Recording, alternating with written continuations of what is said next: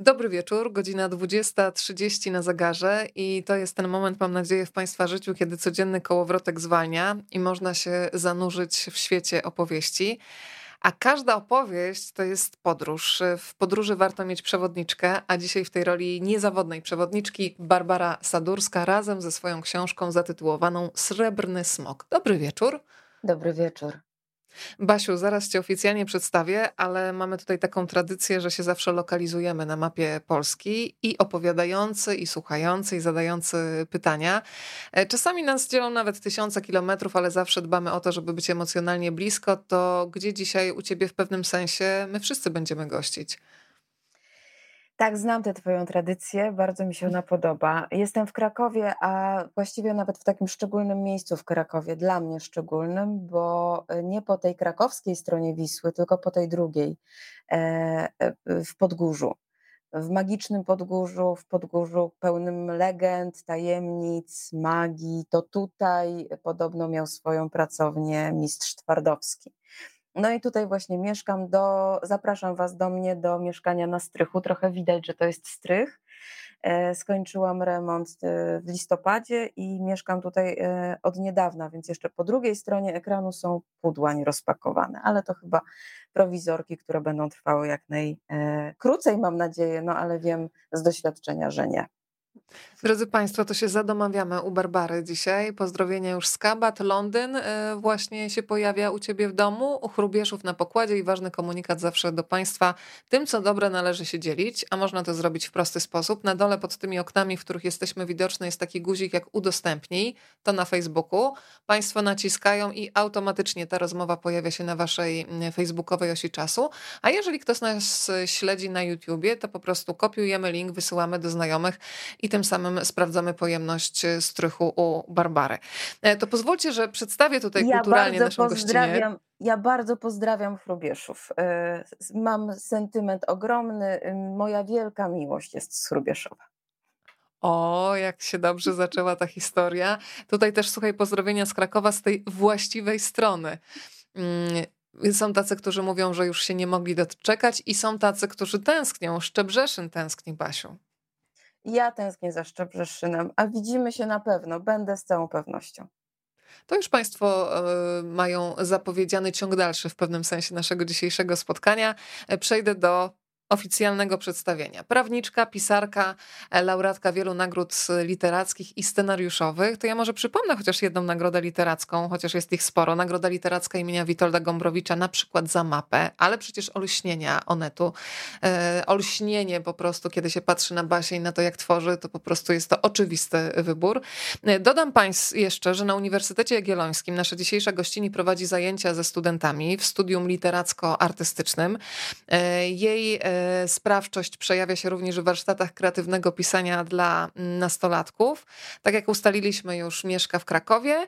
E, w takiej oficjalnej notatce biograficznej pojawia się też e, informacja na temat Twoich dzieci, Basiu, i na temat zwierzaków. No to może poproszę Cię o rozwinięcie tego wątku, tak żebyśmy naprawdę się mogli poczuć rodzinnie. Y, moje dzieci już są troszkę starsze niż y, grupa docelowa Srebrnego Smoka. Y, Olga ma 19 lat, Grzesiek za chwileczkę, w lipcu skończy 18, więc ja już jestem e, mamą dzieci, które są dorosłymi ludźmi. Mm, ale wiele mnie y, nauczyli, no tak po prostu. Y, to im opowiadałam e, historię, ale nie tylko im. Y, natomiast mieszkam też w takim stadzie zwierzęco-ludzkim, bo mamy też dwa koty i psa. E, imiona wszystkim naszym zwierzętom nadawała Olga. E, więc mam e, kotkę Tutiki znalezioną na ulicy. Mąż myślał, że to jest już e, kot, który nie żyje. Grzesiek go zebrał i mówi, tato, ale jej, jemu bije serce. Potem się okazało, że że to jest kotka, że to jest dziewczynka. Mamy też kocurka, który ma na imię Pan Petson. I słusznie. To chyba nie przypadek. Nie przy... O nie, to jest, to, jest, to jest głowa tej mafii, bo to naprawdę jest szajka, taka psio, ko, kocia szajka. E, pan Petson patrzy z góry i pyta Towę. Moja, moja psina ma na imię Towę. E, Towe jest. Ale poczekaj, poczekaj, czy jeżeli padło hasło szajka, to czy ta ekipa się zna z kocią szajką Agaty Romaniuk? Zna z twojego wydawnictwa zresztą? Że się zna. Oczywiście, że się zna. Z tym, że ja myślę, że moja jest bardziej mafijna i ma bardziej przestępcze ciągoty. Tak. Tak, no i pan czyli... Petson jest ewidentnie mózgiem tej całej operacji. No tak, to jest to, to, to najgorsze czarne serce to w nim. A i tak je uwielbiamy i wybaczamy im absolutnie wszystko. Nawet ja jak tuż... nasze telefony na, na, na ziemię łapkami. Co tak, tam tak telefon? To, to futerko jest dużo cenniejsze. Ja nawet tuż przed pojawieniem się u Państwa w domu właśnie usuwałam pozostałości po łatce, bo ona się tutaj lubi wdrapywać i przytulać, więc też e, ślady zostawia. E, Basiu, mm, w takich notatkach, które się pojawiają, które płyną do dziennikarzy dotyczących Twojej książki, pojawia się ta informacja o takim debiucie, jeżeli chodzi o książkę dla dzieci, ale zdradziłaś mi podczas naszej próby technicznej i chciałabym, żebyśmy rozwinęły ten wątek, że w zasadzie odkąd pamiętasz, tworzyłaś i wymyślałaś historię dla tych młodszych y, czytelników, e, to co zdecydowało o tym, że postanowiłaś to, co do tej pory było tylko gdzieś w Twojej głowie czy w bliskim otoczeniu, posłać dalej w świat do kolejnych domów? E, wiesz co, rzeczywiście y, dobrze, że zapytałaś mnie o dzieci i o psy i koty, e, ponieważ to jest poniekąd wina albo zasługa e, mojej córki. Ona mnie bardzo motywuje do wielu działań i między innymi to ona cały czas naciska, żebym opublikowała jakiś swój fragment prozy, którą właśnie aktualnie piszę. Yy, ona cały czas czeka, aż wydam i wyślę do wydawcy yy, opowieść o małym yy, rozczochranym aniołku. Tej opowieści jeszcze nie ma, bo ja jej jeszcze ciągle nie mogę skończyć. Natomiast napisałam Srebrnego Smoka mm, w 20 roku, w roku pandemicznym, jako bardzo króciutką opowieść, którą się czytało 7 minut. E, I później tak bardzo polubiłam bohaterów, e, dziadka i Matyldę, że dla siebie ją rozwinęłam i, i dopisałam resztę na rezydencji w Pradze, tak de facto. Tam czekałam na redakcję e, Czarnego Hetmana, natomiast no, miałam w związku z tym chwilę przerwy i dla przyjemności opowiedziałam do końca tę historię, znaczy do końca, pociągnęłam dalej tę historię y, i wysłałam, i wysłałam do wydawnictwa, które y, no to też anegdotyczna historia. Ja ją znam, ale myślę, że to jest dobry moment, żeby ją upublicznić. Y, to było tak, że zadzwoniłam do Georginy Gryboś, z którą się znam i przyjaźnię, i chciałam ją podpytać, u kogo by widziała taką właśnie opowieść o smokach, trochę nierealną, która się rozgrywa wszędzie i nigdzie, coś w stylu baśni dla starszych ludzi, takich, którzy już potrafią sami czytać. Mm, I, i Georgina mi podpowiedziała, y, że Agora. Y, jak ona powiedziała Agora, to mi od razu to y, odpowiedziało w sercu odpowiednim tonem, ponieważ e, wcześniej y, poznałam się z Pawłem Goźlińskim i to do niego wysłałam ten tekst. Trochę z pytaniem, czy w ogóle to się do czegokolwiek nadaje, tak? Bo nie mam doświadczenia, mam doświadczenie ogromne w opowiadaniu historii, ale nie w e, pisaniu dla, e, dla, dla ludzi w tym wieku. Y, no i czekałam miesiąc, drugi. W listopadzie y, odezwałam się, czy coś powinnam zmienić, albo w ogóle co tam u nich słychać e, i co myśli o tej, o tej książce. A Paweł odpowiedział, że y, jak to? Przecież to już jest w redakcji. Przyjęliśmy oczywiście, bo to świetna historia.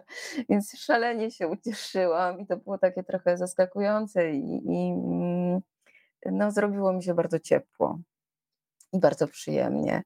E, I później rzeczywiście pracowałam z Karoliną Oponowicz, która poprosiła, żebym rozwinęła niektóre wątki, bardzo słusznie. E, ogromnie się ucieszyłam, bo też trochę mi tam brakowało niektórych, e, niektórych miejsc, niektóre miejsca były niedopowiedziane. No i tak powstała ta książka, zdecydowałam się ją upublicznić, to nie jest łatwy moment. O wiele łatwiej jest rozmawiać z ludźmi twarzą w twarz. Opowiadać grupie, nawet jeżeli tych osób jest, nie wiem, kilkanaście czy, czy, czy nawet kilkadziesiąt, bo i tak mi się zdarzało w księgarni e, snuć różnego rodzaju opowieści dla przedszkolaków. E, pra, znaczy, czytałam w księgarni książki, a jak się znudzili, to zaczynała mi opowiadać, więc to tak trochę wymyślaliśmy wspólnie różne historie i to było bardzo fajne. Mm, ale zupełnie czym innym jest oddać książkę, która musi się sama obronić, która musi dotrzeć do czytelnika i z nim wejść we współpracę. E, tak bym to nazwała. Nie wiem, co będzie dalej. Trochę jestem no, w roli to racja, debiutantki, no ale jednak z takim Ale to jest bardzo przyjemna rola chyba, co? Chodzi mi o taką świeżość w przeżywaniu pewnych nowych emocji. E, zawsze debiuty są takie, że człowiek się stresuje i boi, ale powiem ci, że im jestem starsza, tym bardziej doceniam momenty, kiedy mogę coś zrobić po raz pierwszy, więc w sumie taki debiut na tym rynku dziecięcym to chyba jest też coś przyjemnego oprócz stresu. Absolutnie tak, oczywiście. Y, to przede wszystkim jest wielka radość i no właśnie wyruszenie w podróż. Z, z tym, że naprawdę nie wiem, którędy będę płynęła i nie wiem, którędy y, mnie wiatry poprowadzą i dokąd mnie zaprowadzą. E, ale cieszę się ogromnie, bo, bo szalenie lubię rozmawiać z ludźmi i e, jestem ciekawa, jak ten srebrny smok zostanie przyjęty przez ludzi E, którzy ją, tę książkę przeczytają. Powiedziałaś na dobry wieczór o tym, że twoje dzieci są już zdecydowanie starsze niż ten target, użyję tego marketingowego słowa, odbiorcy, ale nie wiem, czy Państwo zwrócili, myślę, że tak, e, uwagę na to, jak Basia mówi, e, że nie pisała jeszcze do ludzi w takim wieku. I od początku, kiedy miałyśmy próbę techniczną, też na to zwróciłam uwagę, bo bardzo mnie to ujęło, dlatego, że jest coś takiego, czasami nawet wbrew nas samym, jakiegoś takiego upupiania tego małego czytelnika, że mniejszy, to może trzeba do niego jakoś tak się pochylić nad nim, a ja mam wrażenie, że ten młody czytelnik zawsze mnie mobilizuje mobilizuje do tego, żeby wspiąć jeszcze na palce, żeby wejść na ten poziom myślenia czasami abstrakcyjnego, wrażliwości, czystości dziecięcej. Więc y, dziękuję Ci za to. Wspomniałaś o Karolinie Oponowicz, matce chrzestnej wielu agorowych książek dla dzieci. Tam podobno nie tylko Karolina była zaangażowana, ale w szerszym znaczeniu rodzina e, Oponowiczów, bo tam ci właśnie mali ludzie mieli chyba duży wkład w mówienie w prawo, w lewo, Basiu, podoba nam się lub nie. Tak, rzeczywiście. Ja tę książkę dałam do przeczytania Oldze, mojej córce. Ona się zachwyciła atmosferą, no ale ona odbiera literaturę już zupełnie inaczej. Natomiast Karolina opowiadała mi, że hmm, chyba podczas wakacji e, albo ferii e, miała właśnie taką grupkę yy, no, z, z, z osób z, nią związanych E, kuzyni, no wiecie jak to jest na wakacjach albo na feriach. Zjeżdża się cała, cała, cała masa ludzi e, i oni słuchali podobno z ogromnym zainteresowaniem. Dostałam taką informację, że, że, że, że rzeczywiście z napięciem.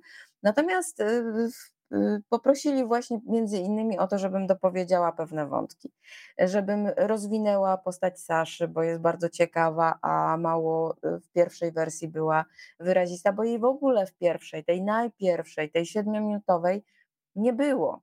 Była tylko Matylda i dziadek to oni niejako mm, mm, przyciągnęli sobie y, swoich y, sąsiadów czy przyjaciół i, i zaprosili ich do tej opowieści. Więc ona się niejako rozbudowała i troszkę, e, i troszkę stała się taką powieścią. No, ma 160 stron. Wyobrażam sobie, że to jest po prostu czytania na kilka wieczorów. Powiem Ci, Basiu, szczerze, że przeczytałam tę książkę już trzykrotnie. Najpierw zawsze się stresuję, czy ja zdążę przed spotkaniem. E, potem drugi raz wróciłam, a potem jeszcze, a przecież tam było jeszcze to, jeszcze to i to. I za każdym razem doceniałam, jak precyzyjnie ten świat jest skonstruowany, mm, że ten świat jest bardzo sensualny, że ja słyszę dźwięki, widzę kolory, mam takie kadry y, przed oczami. No i ta sensualność, jeżeli chodzi o smaki, to jest też coś, co na mnie zadziałało nie tylko na mnie. Słuchaj, pojawiło się pierwsze bardzo istotne pytanie. Dobry wieczór. Czy będzie przepis na poziomkowe kremówki? I teraz pytanie do autorki. Czy skoro dziadek Matyldy zaprasza na kremówki, to czy autorka tej opowieści zna taki przepis? Zna go moja siostra. Musiałabym poprosić Dorotę. Ona naprawdę robi poziomkowe kremówki, poziomkowe, e, poziomkowy tort. Robi ten tort tylko raz w roku na urodziny mm, swojego e, syna, a mojego siostrzeńca. E, jeśli jesteście naprawdę ciekawi, to ja jestem gotowa od niej ten przepis wydobyć i w jakiś sposób go upublicznić, udostępnić. Nie wiem, może, może w ciągu dalszym do srebrnego smoka pojawią się takie przepisy, bo rozumiem, że na naleśniki nie potrzebujecie przepisu. Też, na naleśniki, na chleb ja... dziadka Matyldy. No dobra, to ja, się muszę w takim razie przyznać. Y, jestem z tych osób, które owszem, y, nauczyły się wtórnie gotować, ale nie jest to mój talent. I moje pierwsze naleśniki, kto umie robić naleśniki, ten wie, co ja teraz powiem, bardzo ciężko było rozwałkować. Takie podpłomyki były trochę. Oj, tak. To ja y, mam, to jest moje doświadczenie, więc ja cię doskonale rozumiem. No właśnie. I byłam naprawdę y, bardzo zdziwiona, jak to jest możliwe, że wszystkim wychodzą takie śliczne i okrągłe, gdy tymczasem nie da się nożem tak wykroić okrągłego placka. Byłam w wieku Matyldy i Saszy, myślę. Tak nie, nie, miałam talentu do gotowania, ale nauczyłam się robić naleśniki i teraz najszybsze, co mogę zrobić, to właśnie to. Tak, jedzenie jest bardzo ważne w Srebrnym Smoku. Ja w ogóle uważam, że, że nie tylko w literaturze, ale w literaturze jedzenie jest bardzo ważne, bo jedzenie jest budowaniem relacji. Teraz mówię zupełnie serio. Kiedy czytam e, książki albo kiedy e, badam jakąś historię, to e, ta strona jest dla mnie istotna. Jeśli ktoś, jeśli ktoś Y, przygotowuje jedzenie i to jedzenie innym ludziom smakuje, to znaczy, że jest szansa, że oni się dogadają, że tutaj mm, będzie dobra relacja, że, że to jest coś w porządku. Dobrze wróży na przyszłość. Natomiast jeżeli ktoś gardzi czyimś jedzeniem albo odrzuca je, to bardzo też dużo mówi o relacji tej osoby z osobą, która mu te, to jedzenie proponuje. Także rzeczywiście dziadek e, znakomicie zbudował sobie, chociaż wcale nie miał łatwo, bo miał podgórkę. Przecież Matylda wcale nie chciała jechać na wakacje e, na jakąś dziwną, daleką wyspę. Wolałaby do Japonii. Powiem ci, że jest taki moment, w którym ja naprawdę chciałabym wykupić abonament obiadowy i deserowy przede wszystkim w tym domu, więc to naprawdę świetnie działa. Pani Naja napisała, bardzo prosimy zapisać w komentarzach, słuchaj, ja chyba wydobędę od ciebie na jutro jakiś Dobra. oficjalny, chociaż ten jeden przepis, żeby się pojawił na Rozmawiam, bo lubię, żeby państwo się dobrym mogli podzielić. E, to powiedzmy trochę o Matyldzie. Dopiero jak odłożyłam książkę, to sobie zdałam sprawę, dlaczego ja ją tak bardzo polubiłam bo ja po prostu bym chciała być jak Matylda, dlatego że ona jest pewna swoich umiejętności. I to, o czym mówiłam w zapowiedzi, że kiedy czegoś nie wie, to też nie ma problemu z tym, żeby kogoś poprosić o pomoc albo zapytać. Mm, nie wiem, jak Państwo, pytałam o to. Ja to mam tak od sasa do lasa, czyli albo jestem Zośka Samoszka i wszystko zrobię, a potem będę odchorowywać, albo w ogóle robię się taka sierotka, która nic nie potrafi zrobić. To Basiu, powiedz najpierw o swojej bohaterce trochę, jaka ona jest mm, i jak ty sama siebie postrzegasz. O, bo też jestem ciekawa, mm, czy w tobie jest taka Matylda, czy chciałabyś być jak Matylda? Chciałabym się dowiedzieć. Oj, wiesz co, bliżej mi do dziadka. Ja bym chciała być taka o. jak dziadek. E, wiesz dlaczego? Dlatego, że mnie się podoba w dziadku, a Matylda to wyczuwa i korzysta z tego. E, e, dziadek w żadnym miejscu, i to sobie też uświadomiłam dopiero, kiedy odsłuchałam dzisiaj rano Twoją zapowiedź. Mm, dziadek w żadnym miejscu nie zawstydza Matyldy. Ona nie wie, ona nie zna na przykład literatury, historii, tak? Ona nie wie, co to są, kto to jest Eol i co to jest worek Eola na przykład, tak? Nie słyszała o Heraklesie Dopytuje, co to są jabłuszka rajskie, e, czy tam hesperyjskie. E, a on nigdy nie powiedział jej, jak to, tego nie wiesz? Powinnaś to już wiedzieć. Czego ciebie uczą w tej szkole? W życiu. To jest y, taki człowiek, który y, cieszy się z tego, że ona o coś pyta i natychmiast jej odpowiada rzetelnie i uczciwie. Tak jak, tak jak chciałabym, y, żebyśmy zawsze ze sobą nawzajem rozmawiali. I my, dorośli, między sobą, i my, dorośli, z ludźmi, którzy jeszcze nie wszystko wiedzą, bo nie mają jak. Tak? Człowiek nie rodzi się z wiedzą. Jeżeli czegoś nie wie, to znaczy, że do tej pory się z tym nie spotkał. Nie, nie, nie, miał, tak. nie miał okazji tego doświadczyć, albo nauczyć się, albo y, sam, samodzielnie wymyślić, prawda, teoretycznie, bo pewne rzeczy możemy sobie wymyślić. No, nie wiem, tam jak się na przykład y, naprawia dzwonek. E, albo jakąś śrubkę, że to się jednak przykręca, a nie przybija młotkiem. E, I, e, I dziadek jest z tych dziadków, którzy um, uczciwie i rzetelnie przekazują najlepszą wersję wiedzy e, Matyldzie, bo, bo lubi chyba to robić, nie? E, I, jakoś tak, jak, jak ja na przykład prowadzę warsztaty z nastolatkami, e, takimi starszymi nastolatkami, 17-18 lat, z takimi ludźmi pracuję, e, czasem w klasie przedmaturalnej, to też staram się im przekazać taką wiedzę, że jeżeli czegoś nie wiedzą, to nie jest ich wina, to nie jest wstyd. To nie jest wstyd nie wiedzieć. I im się natychmiast otwierają bardzo szeroko oczy, są zaskoczeni, Yy, no ale to, to myślę sobie, że to jest w ogóle fundament uczenia się. Jeżeli, jeżeli się zaczynamy wstydzić i, i bać tego, że czegoś nie wiemy, to już nie ma nauczenia się w ogóle. No ale to jest tak od strony dziadka, natomiast Matylda rzeczywiście jest dziewczyną dosyć bystrą, ale ma taki talent, którego ja nie posiadam, a mianowicie ona rysuje. E, ona zapamiętuje w ten sposób, że robi sobie szkice, robi sobie notatki, prawda? Ona chodzi cały czas z tym notatnikiem. Tak. Narysowała sobie, jak się, rysu, jak się na przykład naprawia bloczek. To jej będzie potrzebne na łódce. E, nie tylko do, do, do przenoszenia tornistra. E, gdzieś tam musiała przyuważyć, jak się naprawia to czy tamto, bo tato inżynier, więc być może miała okazję, zresztą o tym jest fragmencik, że ona nie, nie pierwsze wakacje spędziła u niego e, w pracy i, y, i podglądała go, tak? Mm, więc, więc ona się uczy przez doświadczenie i przez rysowanie. Ja nie potrafię rysować, ja bym sobie zrobiła notatkę, ja bym to zapisała tak. słowami, a ona szybciej rysuje. Podoba mi się to, bardzo to lubię. E, w ogóle o rysowaniu to tutaj w tej książce jest y, jeszcze osobna historia, bo, bo, bo Marcin Minor, nie?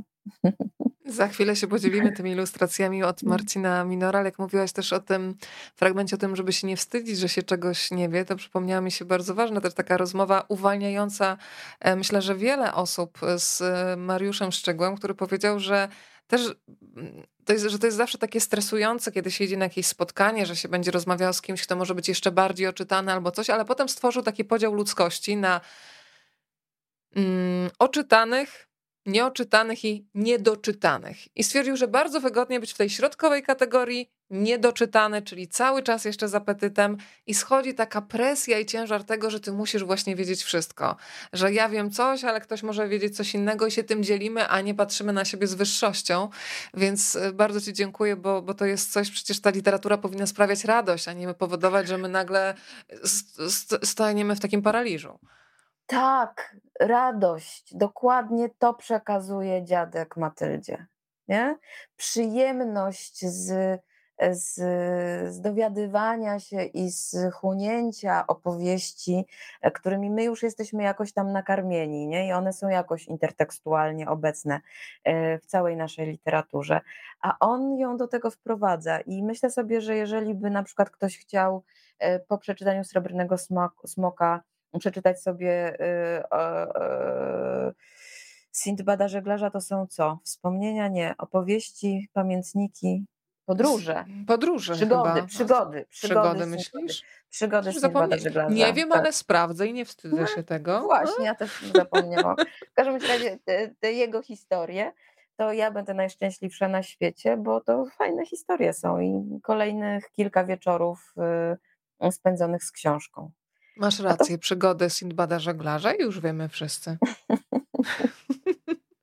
No właśnie. E, tak. Wspomniałaś Marcina Minora e, i zastanawiam się, jak to jest. Zawsze się nad tym zastanawiam, jak się spotykają te dwa światy. To, co jest twoje wyobraźnie jako pisarki i ten moment, gdybyś mogła sobie przypomnieć, kiedy dostajesz z redakcji Agora dla dzieci już gotowe ilustracje, otwierasz, tak patrzysz i co masz w głowie? To jak to nie, było? Nie, to tak nie było, to tak nie było. E, Karolina zapytała mnie, kogo widziałabym jako ilustratora. Ja miałam w głowie kilka osób. E, a ona też podsunęła swoich ilustratorów, którzy współpracują z Agorą i, i robią rzeczy, które jej intuicja podpowiedziała, że, że byłyby dobre. E, mhm. Pierwsza osoba, której, którą zobaczyłam, E, to były smoki Marcina Minora. E, I już później nie musiałam sprawdzać. Oczywiście z, z uczciwości zerknęłam, ale już wiedziałam, że to jest to, e, bo to jest człowiek, który, no właśnie, jak rysował kota, to także można go pogłaskać. Jak narysował smoka, to także że można y, chcieć z nim porozmawiać na przykład, tak, i go o coś zapytać, albo się przestraszyć. E, bo rysunki dla dzieci i książki dla dzieci, ja wychodzę z założenia, wcale nie muszą być bardzo łagodne i mogą też y, być miejscami y, straszne. Mhm. Bardzo takie książki sama lubiłam i, i widzę, że, że młodzi ludzie też to lubią.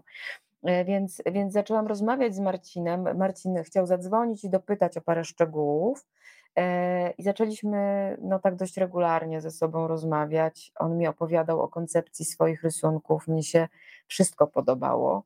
E, ale na przykład, o właśnie na tym rysunku widać postać sprzedawcy muszli, a ponieważ ta, ta postać, ten mężczyzna, będzie ważny później, później, później, jeszcze, jeszcze w następnej części być może, e, to wspólnie z Marcinem doszliśmy do wniosku, że on powinien być no właśnie zakapturzony i bardziej siwy, bo na początku był troszkę mniej siwy. E, I jeszcze w kilku miejscach Marcin tak właśnie mm, zrobił, że, że zmienił swoją koncepcję pod wpływem rozmowy ze mną, natomiast w drugą stronę to zadziałało jak e, uskrzydlająca inspiracja. Naprawdę to było uskrzydlające, bo ja poczułam, że e, wprowadzam do tej opowieści e, postać, której nie było i której bardzo mi brakowało, a mianowicie postać wielkiego rysownika, wielkiego ilustratora, bo ten świat, który Sasza chce uratować, jej wyspę, ostatnią z archipelagu e, wysp, które jako pierwsze wyłoniły się na tym świecie. E, więc niejako rzeczywiście to dość ważne, żeby tę kulturę ochronić. E, to Sasza wspomina o tym, że ten świat trzeba na nowo opowiedzieć. A pod wpływem rozmów z Marcinem, ja wprowadziłam jeszcze ten element, że ten świat trzeba na nowo narysować. Trzeba stworzyć mapę tego świata, tak jak on powinien wyglądać, tak jak on mógłby wyglądać, żeby był miejscem dobrym i bezpiecznym dla wszystkich, dla każdej istoty żywej. E, I, i to jest jakby przesłanie tej, tej książki, w pewnym sensie oczywiście.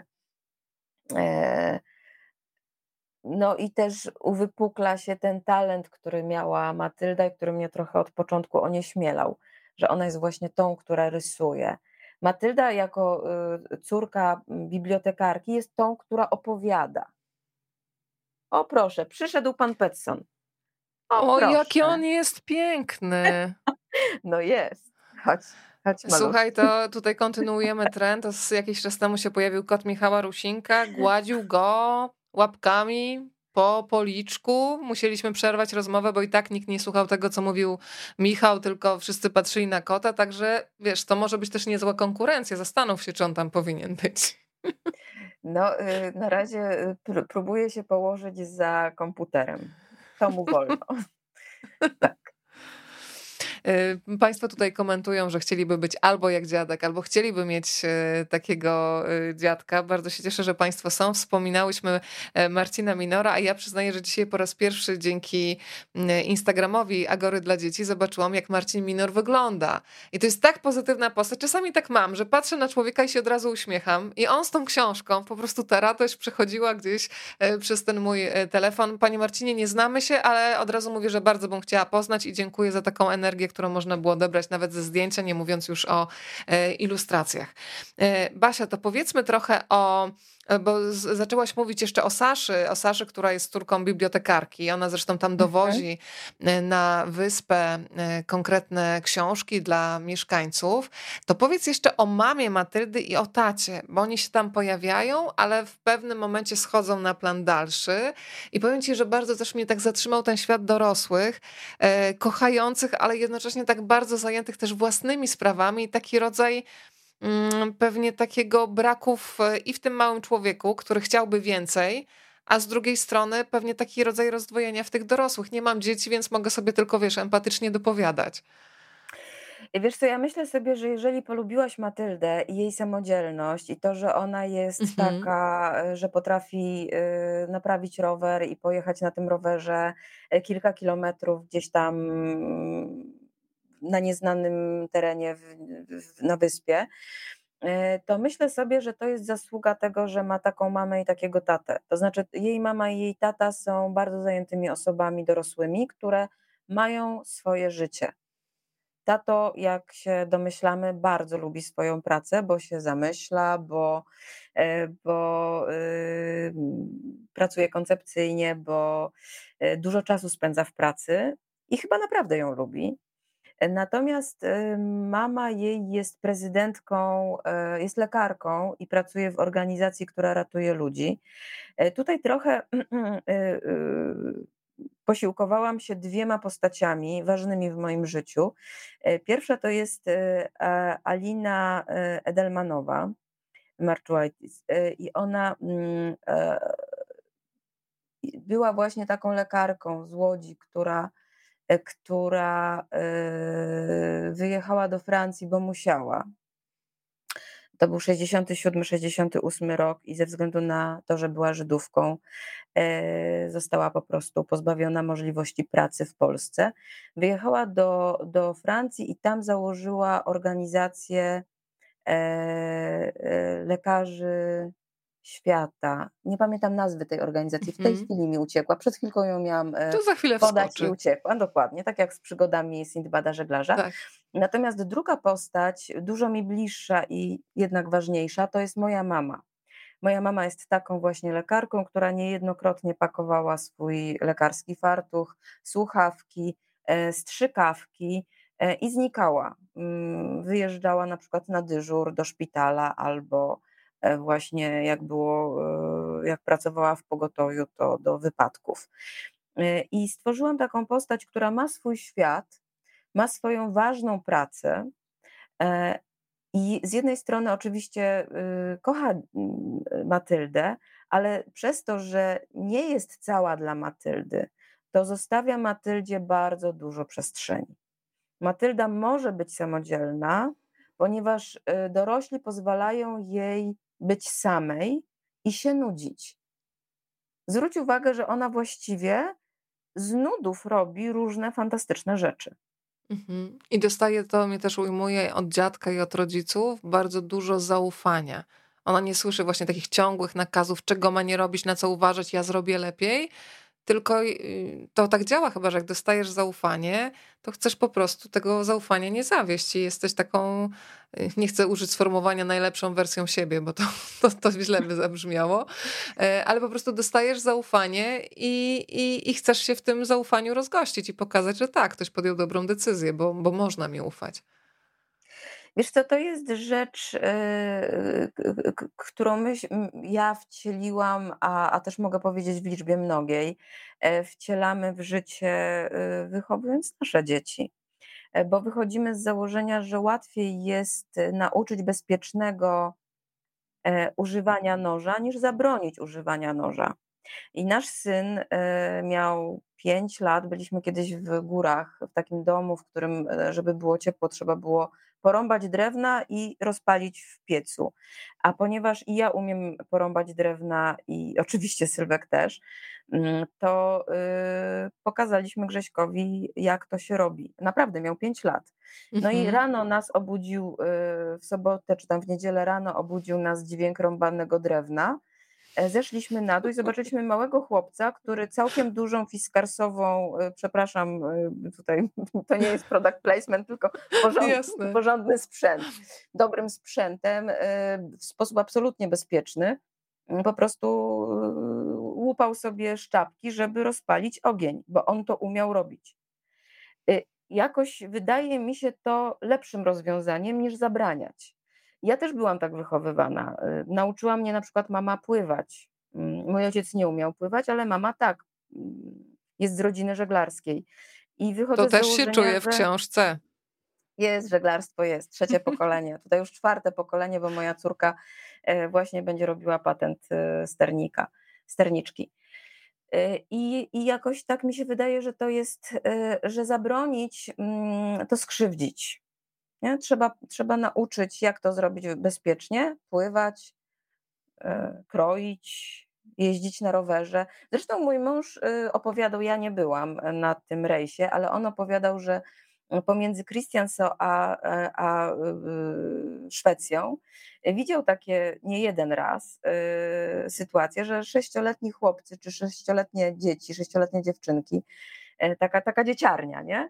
Tak. Wsiada na łódkę typu Omega, E, i po prostu e, takluje ją i odpływa, bo przemieszcza się tą łódką, oczywiście na wodach przybrzeżnych, z, z punktu A do punktu B, tak jak my tutaj na przykład w Małopolsce, czy w ogóle w Polsce na rowerze, tak?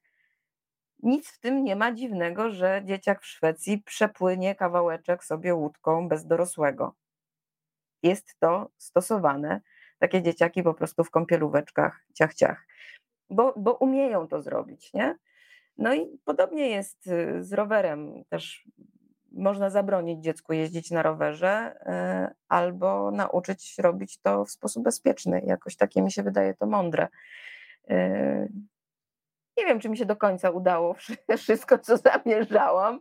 Teraz jest już trochę trudniej wychowywać, ale, ale jak sięgam pamięcią, to tak, to, to, to, to dawaliśmy dzieciakom dużo przestrzeni i, i i to jakby tę myśl szerzę. Nie? Taką, jeżeli bym kogoś odważyła, czy ośmieliła do tego, żeby y, dać dziecku przestrzeń, to będę najszczęśliwsza na świecie. Piękne komentarze się tutaj pojawiają. Słucham, a jednocześnie śledzę, co Państwo do nas y, piszą. Pani Małgosia z Nysy napisała: Zbliżają się wakacje i dopilnuję, żeby moim wnukom przeczytał tę książkę dziadek Marek. Y, o. A swoją drogą, jak jest z imieniem dla dziadka Matyldy? Bo ono w zasadzie chyba nie pada.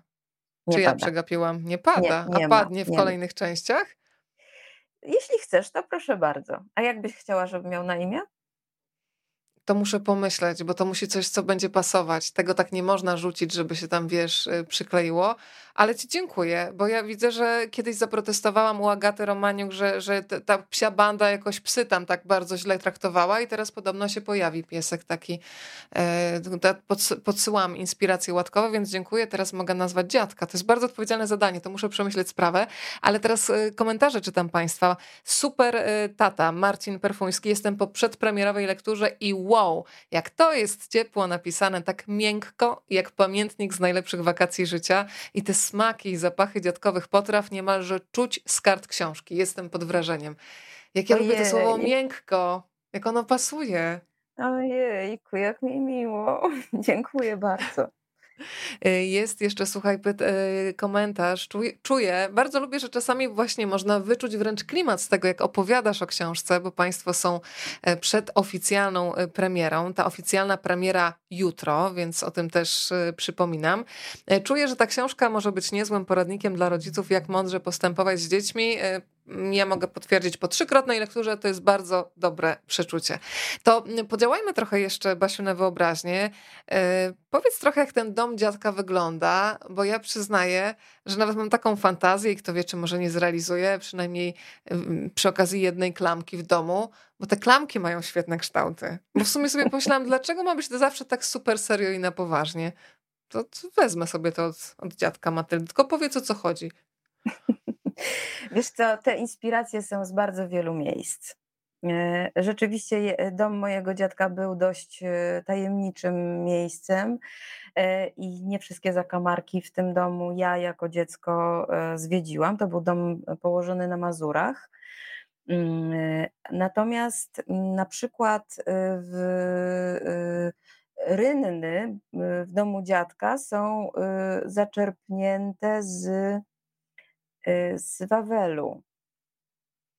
Ja Czyli te rynny jako takie węże morskie. Tak, na Wawelu naprawdę są takie żygacze, one się nazywają tak, żygacze, tak. E, które mają y, kształt łbów y, takich smoczych, właśnie węży morskich tak naprawdę i, i takie rozdęte nozdrza. I, i, I, jakoś za każdym razem, jak tam jestem na Wawelu i, i, i z jakimiś tam Y, przyjaciółmi i dziećmi przyjaciół i opowiadam o Wawelu, to, to zwracam im uwagę na te smocze, smocze pyski, z których oczywiście jak pada deszcz, no właśnie u nas teraz w Krakowie przepotwornie leje, więc wyobrażam sobie, że teraz te smoki się napiły wody i już nie chce im się więcej pić. E, więc, więc to jest na przykład z Wawelu. E, e, klamka w kształcie ryby to też jest rzecz, która naprawdę istnieje. I po pierwsze, ja kiedyś widziałam takie klamki, dwie na starociach na hali targowej. Nie kupiłam, bo nie miałam pieniędzy, a pan chciał tylko gotówkę. A zresztą ciężko się z nim było dogadać, bo mieliśmy różnice mm, poziomu alkoholu we krwi. E, natomiast, natomiast y, y, jeżeli ktoś z Państwa się wybierze do Krakowa, to polecam pojechać sobie do Tyńca. W Tyńcu jest klasztor benedyktynów. E, tam e, w bardzo starym, średniowiecznym klasztorze jest, jest barokowe wnętrze kościoła i w tym barokowym wnętrzu właśnie klamka do drzwi jest w kształcie ryby. To oczywiście symboliczne, bo ryba i znak chrześcijaństwa. Natomiast mnie się jakoś szalenie ta, ta, ta, ta klamka w kształcie ryby mm, spodobała i, i pomyślałam sobie, że tutaj będzie bardzo pasowała. Więc dom e, dziadka jest utkany z różnych moich podróży, inspiracji, miejsc, które zobaczyłam. Natomiast stworzyłam e, na tej wyspie takie, mm, e, takie ziarno, tak, taką, tak, takie jądro e, e, tego, co jest najbardziej smocze. E, więc na przykład dach jest z dachówek, które przypominają troszkę łuski na smoczej skórze. Rynny, oczywiście już o tym wspomniałam. Klamki jak najbardziej, proszę bardzo, też mogą. No właśnie fotel Fotel nie jest opisany, ale jest narysowany. Marcin idealnie wszedł w. w Teraz takiego szukam w sklepach meblarskich, serio. Ja Ta faktura jest świetna. Ja też i kolor, i faktura, i wielkość. Jest po prostu idealny. Chciałabym taki mieć. Jeszcze te nogi, zwróć uwagę. Z tak. przodu rzeźbiono, z tyłu mm, stanowią oparcie solidne. No jest piękny. Po prostu ja nie wiem, czy Marcin nie powinien zacząć robić mebli. Może, może tak. Też chciałam podsumować, że taka druga nóżka, skoro mówimy tutaj fotel ma cztery, on będzie miał tutaj drugą nóżkę, projektant mebli, to na pewno da się połączyć. Drodzy. Państwo, tak. można zadawać pytania. Pojawiła się tutaj też taka koncepcja, żeby ogłosić konkurs na imię dla dziadka. No to zapytam Państwa, jakie Państwo by imię proponowali. Może akurat któreś się Basi spodoba i faktycznie e, będziecie potem mieć swój współudział, bo ja nie mam wątpliwości, a intuicja mnie zazwyczaj zazwyczaj nie myli, że ciąg dalszy srebrnego smoka nastąpi, ale nie, żeby się czuła tutaj jakoś pod presją. E, sięgam do fragmentu książki e, i zaraz tutaj wystartuję z kolejnym pytaniem. Każda opowieść jest początkiem podróży. Wyznaczasz sobie cel na mapie, ale o tym, w którym kierunku wyruszysz i którędy będziesz podążać, nie decydujesz ty. Uważaj, z kim wybierasz się w podróż, bo od twoich towarzyszy wiele może zależeć. niebezpieczeństwo, którego się spodziewasz, nie jest tak groźne jak atak z nienacka. To zatrzymajmy się przy tym pierwszym fragmencie. Kiedy się siada do pisania książki, też człowiek sobie wyznacza jakiś cel na mapie. No ale właśnie o tym, w którym kierunku wyruszysz, na ile decydujesz ty, a na ile czujesz, że przychodzi jakaś fala, która cię znosi w kompletnie inne miejsce, ale nagle się orientujesz, że w nim jest całkiem fajnie i że nawet sobie możesz w nim popływać. No właśnie tak to jest. Ja początkowo napisałam e, taką opowieść, która miała być jak e, sznureczek, na który nanizane są e, koraliki, i tymi koralikami miały być opowieści, które mogłabym polecić młodym czytelnikom, czytelniczkom na długie wieczory, kiedy jest lockdown. Tak? Mówiłam mhm. o, o o pochodzeniu Czasie, tej tak. książki. Tak.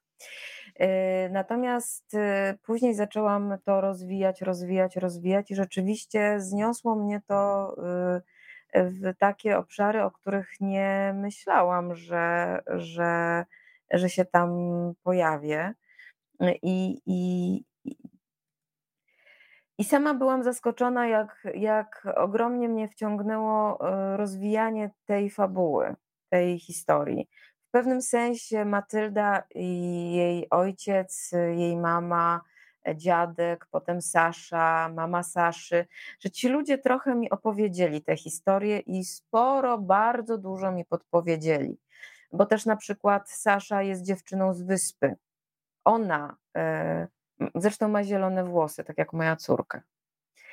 E, I e, to ona e, jest tą mądrą, to ona umie pływać, to ona wie, jak się zachowywać, to ona zna zasady na przykład udzielania pierwszej pomocy. To nie jest rzecz, którą ja tam włożyłam. Po prostu pojawiła się przygoda i ja postanowiłam mm, e, pójść za tym. Tak? Ta, ta przygoda jest niebezpieczna, a jednocześnie pokazuje, jak bardzo ważne jest e, udzielanie pierwszej pomocy, prawda? I znajomość tego, że że ludzie potrafią e, uratować komuś życie, dosłownie. E, też mam takie doświadczenie. Natomiast ja absolutnie nie wiedziałam, e, w jakim kierunku to pójdzie i jak się to zakończy. Epilog pisałam też właściwie z inspiracji Karoliny Oponowicz. I tutaj jest to, że ta, ten fragment, który przeczytałaś, jest niejako samosprawdzającą się przepowiednią, bardzo dobrą wróżbą bo ja rzeczywiście wybrałam się w podróż z ludźmi, którzy wiedzą, co robią. E, oni wiedzą, gdzie są linki do tych wszystkich e, żagli mm, i potrafią poprowadzić jacht. E, mm, natomiast no, ja też potrafię, że tak powiem, pływać I, i, i, i, i razem myślę, że możemy dużo ciekawych rzeczy zrobić, no bo już słyszeliście to, że, że, że właściwie Karolina Oponowicz mnie poprosiła o to, czyli redaktorka na, główna, matka chrzestna tej książki, poprowadziła mnie w kierunku, e, w kilku kierunkach. Tak? Jej pewnie to zasugerowały dzieci, które słuchały tej baśni e, przed, przedpremierowo.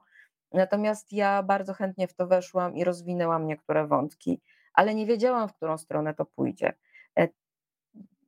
Później na samym końcu jeszcze się okazało, że, że właściwie y, mam czas na to, żeby dopisać jeszcze epilog i, e, i zrobiłam to. I też z, z inicjatywy y, Karoliny. Więc y, Marcin Minor też słyszeliście wszyscy, że właściwie to dzięki niemu wzbogaciłam tę fabułę jeszcze o tego rysownika, który mam nadzieję w drugiej części odegra bardzo ważną rolę ja tę drugą część już, że tak powiem, e, ona już we mnie w głowie pracuje, więc zobaczymy, co dalej, ale, ale jakby mm, to jest właśnie tak. Y, lepiej jest popłynąć w nieznane z dobrymi żeglarzami, z ludźmi, którzy wiedzą, co robią, niż stać na brzegu i bać się wejść do wody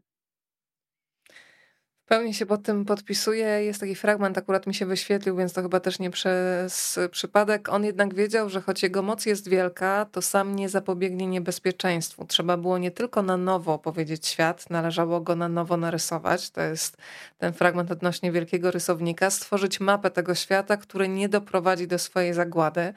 E, ja bardzo lubię też e, ten wątek tego, że każdy z nas, tak to przynajmniej czytam, ma jakąś moc ale solo to ta moc jest trochę taka bezużyteczna. Mam wrażenie, że ta moc nabiera mocy, jeżeli mogę użyć takiego sformułowania, kiedy jest wymieniana z energią innych ludzi. Tak jak mówisz tutaj, no jest potrzebna ekipa ludzi na tym statku, ta, która wie, za którą nitkę pociągnąć i na czym polega siła współdziałania.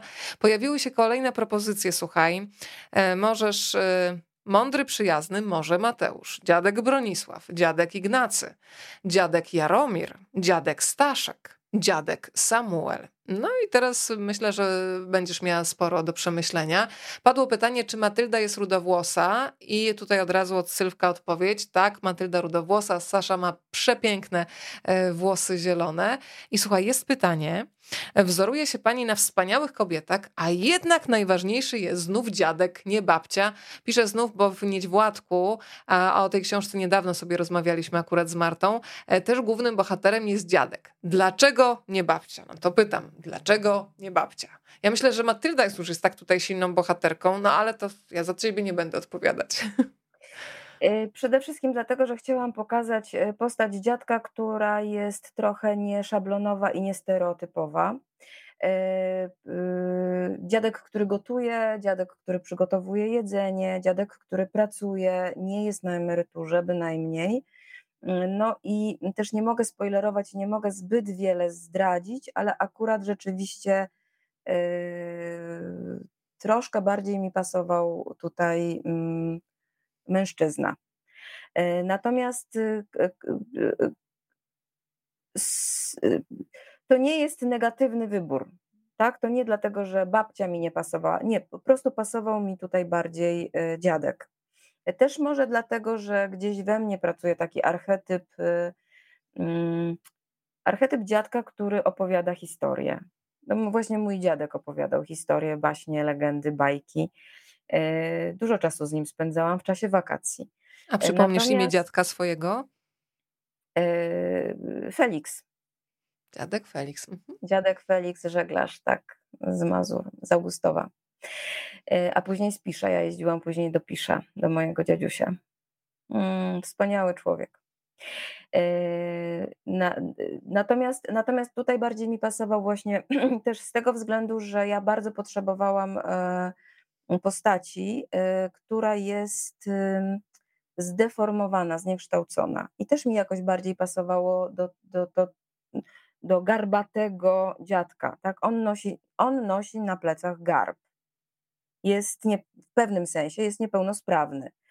E, ale to jest też dla mnie bardzo ważne, bo e, jakąś jest częścią mojej mojej osobowości, nawet bym chyba tak powiedziała, żeby e, wykorzystać, żeby patrzeć na, na to, co nazywamy niepełnosprawnością, kalectwem, słabością, najsłabszą stroną, tym, co jest w nas najsłabsze. Żeby na to spojrzeć też od takiej strony, że mm, ten garb to może być skarb że, ten, że, że, że tam się mogą kryć y, różne kompetencje, których nie mają ci, którzy, którzy nie doświadczyli, powiedzmy, mm, patrzenia takiego, wiecie, nie? Takiego o, y, troszkę, troszkę z innej perspektywy, o, tak bym to nazwała. Y, jeżeli zwracacie, ty zwracasz uwagę, a także ktoś, kto, kto już tę książkę przeczytał, Mm, super Tata? Nie, to jest Tata? Taka była strona. Już, już szukam. Super Tata TV, pan tak Marcin. Jest, tak jest. Pan Marcin zwrócił uwagę na smaki i zapachy. To ja bym bardzo chciała to jeszcze rozwinąć, ale też rozwinąć, rozwinąć w, w, w relacji z ludźmi. Mam nadzieję, że, że będę mogła w tym kierunku, że, że, że, że że ta książka mi się pozwoli tak poprowadzić, żeby dziewczyny, Sasza i Matylda, miały do czynienia z osobami, które nie widzą i które nie słyszą, z osobami, które uważamy za niepełnosprawne, tak? E, świat głuchych jest mi bardzo bliski i ważny. Język polski, język migowy, zawsze to podkreślam, e, to jest nasz drugi narodowy język i powinien być traktowany jako język obcy. Na razie jeszcze nie jest, a to bardzo implikuje wiele problemów y, ludziom, którzy nie słyszą albo nie dosłyszą. Książkę e, Głusza polecamy, prawda? Właśnie, tak, to właśnie kończy czytać moja córka w tym momencie. Ja już skończyłam kilka tygodni, o, kilka miesięcy temu. Świetna książka Anny Goc, bardzo polecam. Ona naprawdę zmienia perspektywę, choć jest drastyczna i to nie jest książka dla dzieci.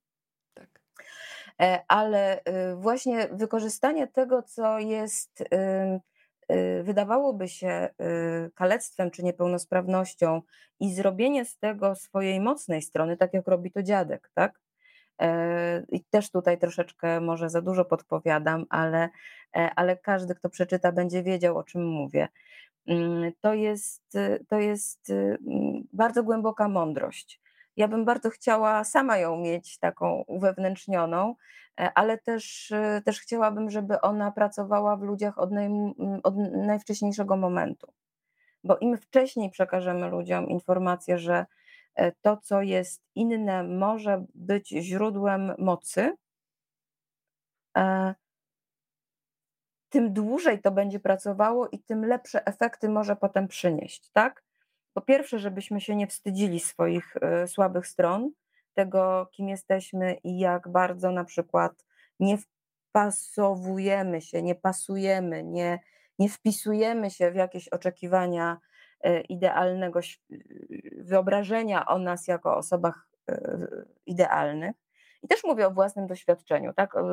Wczoraj ci zdradziłam fragment historii, że w pierwszej klasie przecież miałam taką przygodę, że dyrektorka szkoły i moja wychowawczyni uznała, że e, ta Basia to się już nigdy nie nauczy ani liczyć, ani pisać, ani czytać, bo nie umie. Miałam 6 lat i uznano, że ja jestem niepełnosprawna, w związku z czym e, nie powinnam skończyć zwykłej szkoły, tylko szkołę specjalną. I był taki pomysł, żeby mnie przenieść do szkoły specjalnej, e, Obroniła mnie mama. Uznała, że chyba jednak to jakaś pomyłka, bo Baśka umie czytać. Tylko nie na głos. E, ale później nauczyłam się czytać na głos i, i, i, robię to z wielką przyjemnością. Natomiast wtedy, kiedy miałam 6 lat, rzeczywiście spotkałam się z informacją, mm, że, że no nie, nie, nie ma przyszłości dla mnie. Skończyłam dwa kierunki studiów, jakoś sobie radzę. Jestem dysgraficzką, tak. Jestem dyslektyczką, tak. Ale można to wykorzystać na swoją korzyść. Można z tego uczynić siłę, bo na przykład dzięki temu lepiej rozumiem ludzi, którzy, mm, którzy trochę, trochę inaczej im pracuje y, umysł y, i lepiej mi się z nimi pracuje, tak najnormalniej w świecie, tak jak przychodzą do mnie ludzie y, i mam ich nauczyć, i chcą się nauczyć pisać. Oczywiście nie chodzi o takie graficzne pisanie, tylko pisać opowiadania, i zdradzają mi w którymś momencie jako swoją tajemnicę, taki sekret wstydliwy, ale ja jestem dysgrafikiem, dysgraficzką. To ja wtedy ich witam z szeroko otwartymi ramionami i mówię: Uwielbiam. To jest moc, to jest potencjał. Tam jest to ziarno inspiracji. Więc, więc chciałabym ewentualnie jeszcze taką myśl przekazywać y, swoimi opowieś, opowieściami, y, zwłaszcza skierowanymi do tych ludzi, najmłodszych. Mm. Basiu, ja też w Srebrnym Smoku yy, bardzo jakoś bliski jest mi taki motyw poszukiwania mistrzów. Może nie takich autorytetów, które się ślepo wierzy, bo to jest akurat niebezpieczne, kiedy tracimy jakąś taką własną wolność myślenia i podważania czasami tego, co wszyscy uważają za słuszne, ale brakuje mi czasami i staram się szukać takich osób, takich mistrzów, czyli osób, do których można przyjść, pogadać, czasem się posprzeczać kulturalnie rzecz jasna, czyli powymieniać zdaniem na jakiś temat, albo po prostu mieć człowieka, który potrafi słuchać, bo to jest bardzo rzadka umiejętność. Możesz nam powiedzieć trochę o takich swoich mistrzach, ludziach, którzy z tobą może byli na jakimś etapie twojej drogi, może już są w innym miejscu, ale gdzieś ich cały czas nosisz w pamięci. No ja mam podgórkę z autorytetami. Mm, ja autorytety podważam, e, podważam, podważam i podważam i chyba jeżeli ktoś chciałby być autorytetem e, na, na, na którymś etapie mojego życia, to miał ze mną bardzo złe doświadczenia. E, więc nie wiem, czy bym umiała teraz kogoś takiego. Ale wiesz, że to wymienić. tak jest, że ci, którzy zazwyczaj chcą być takimi mistrzami dla innych, tymi mistrzami nie są, bo oni zazwyczaj by chcieli narzucić swoją mądrość, a najczęściej się wybiera kogoś takiego, z kim ci jest po drodze. Nawet bym zrzuciła to pojęcie autorytetu, a bardziej takiego, może nawet nie mistrza, ale takiego bliskiego człowieka, który daje chyba no to, co daje dziadek Matyldy, czyli takie poczucie bezpieczeństwa i poczucie bycia przyjętym, wysłuchanym, widzianym, dostrzeganym. I zaakceptowanym, tak. Y, to jest też ten mistrz, który w opowieści o srebrnym smoku pozwala smokowi odejść i mówi: Jeśli jesteś gotowy, idź. Nie? nie zatrzymuje go na siłę, ani go też nie wyrzuca.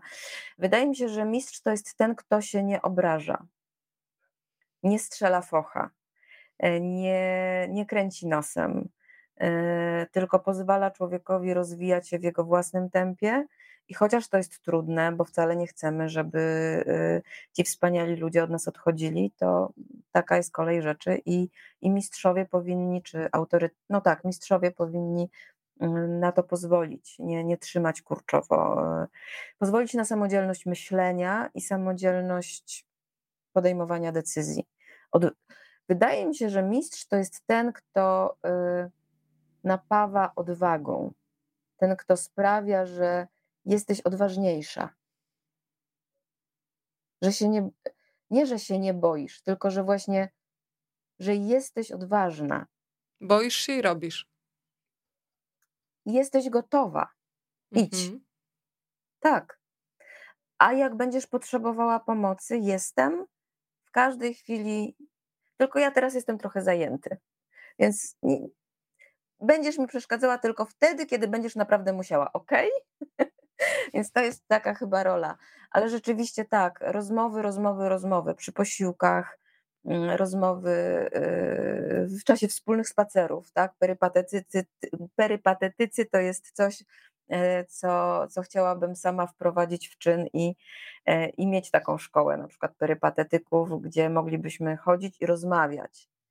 To by było cudowne, nie tylko z psem, a wiesz, że ja to w sumie zaczęłam stosować ostatnio. Zapisa znaczy zapisałam się, chodzę z koleżanką, ponieważ mam zawsze kompleks języka angielskiego. Mówię, muszę się rozgadać. Ona mówi, wiesz co, ja cię mogę zabrać na spacer półtora godziny, możemy rozmawiać, y, to będą nasze lekcje.